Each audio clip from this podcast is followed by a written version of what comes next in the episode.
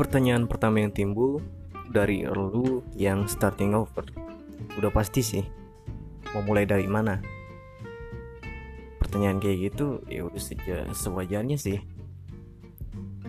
Terus kalau lu mikir terlalu lama kapan mulainya dong?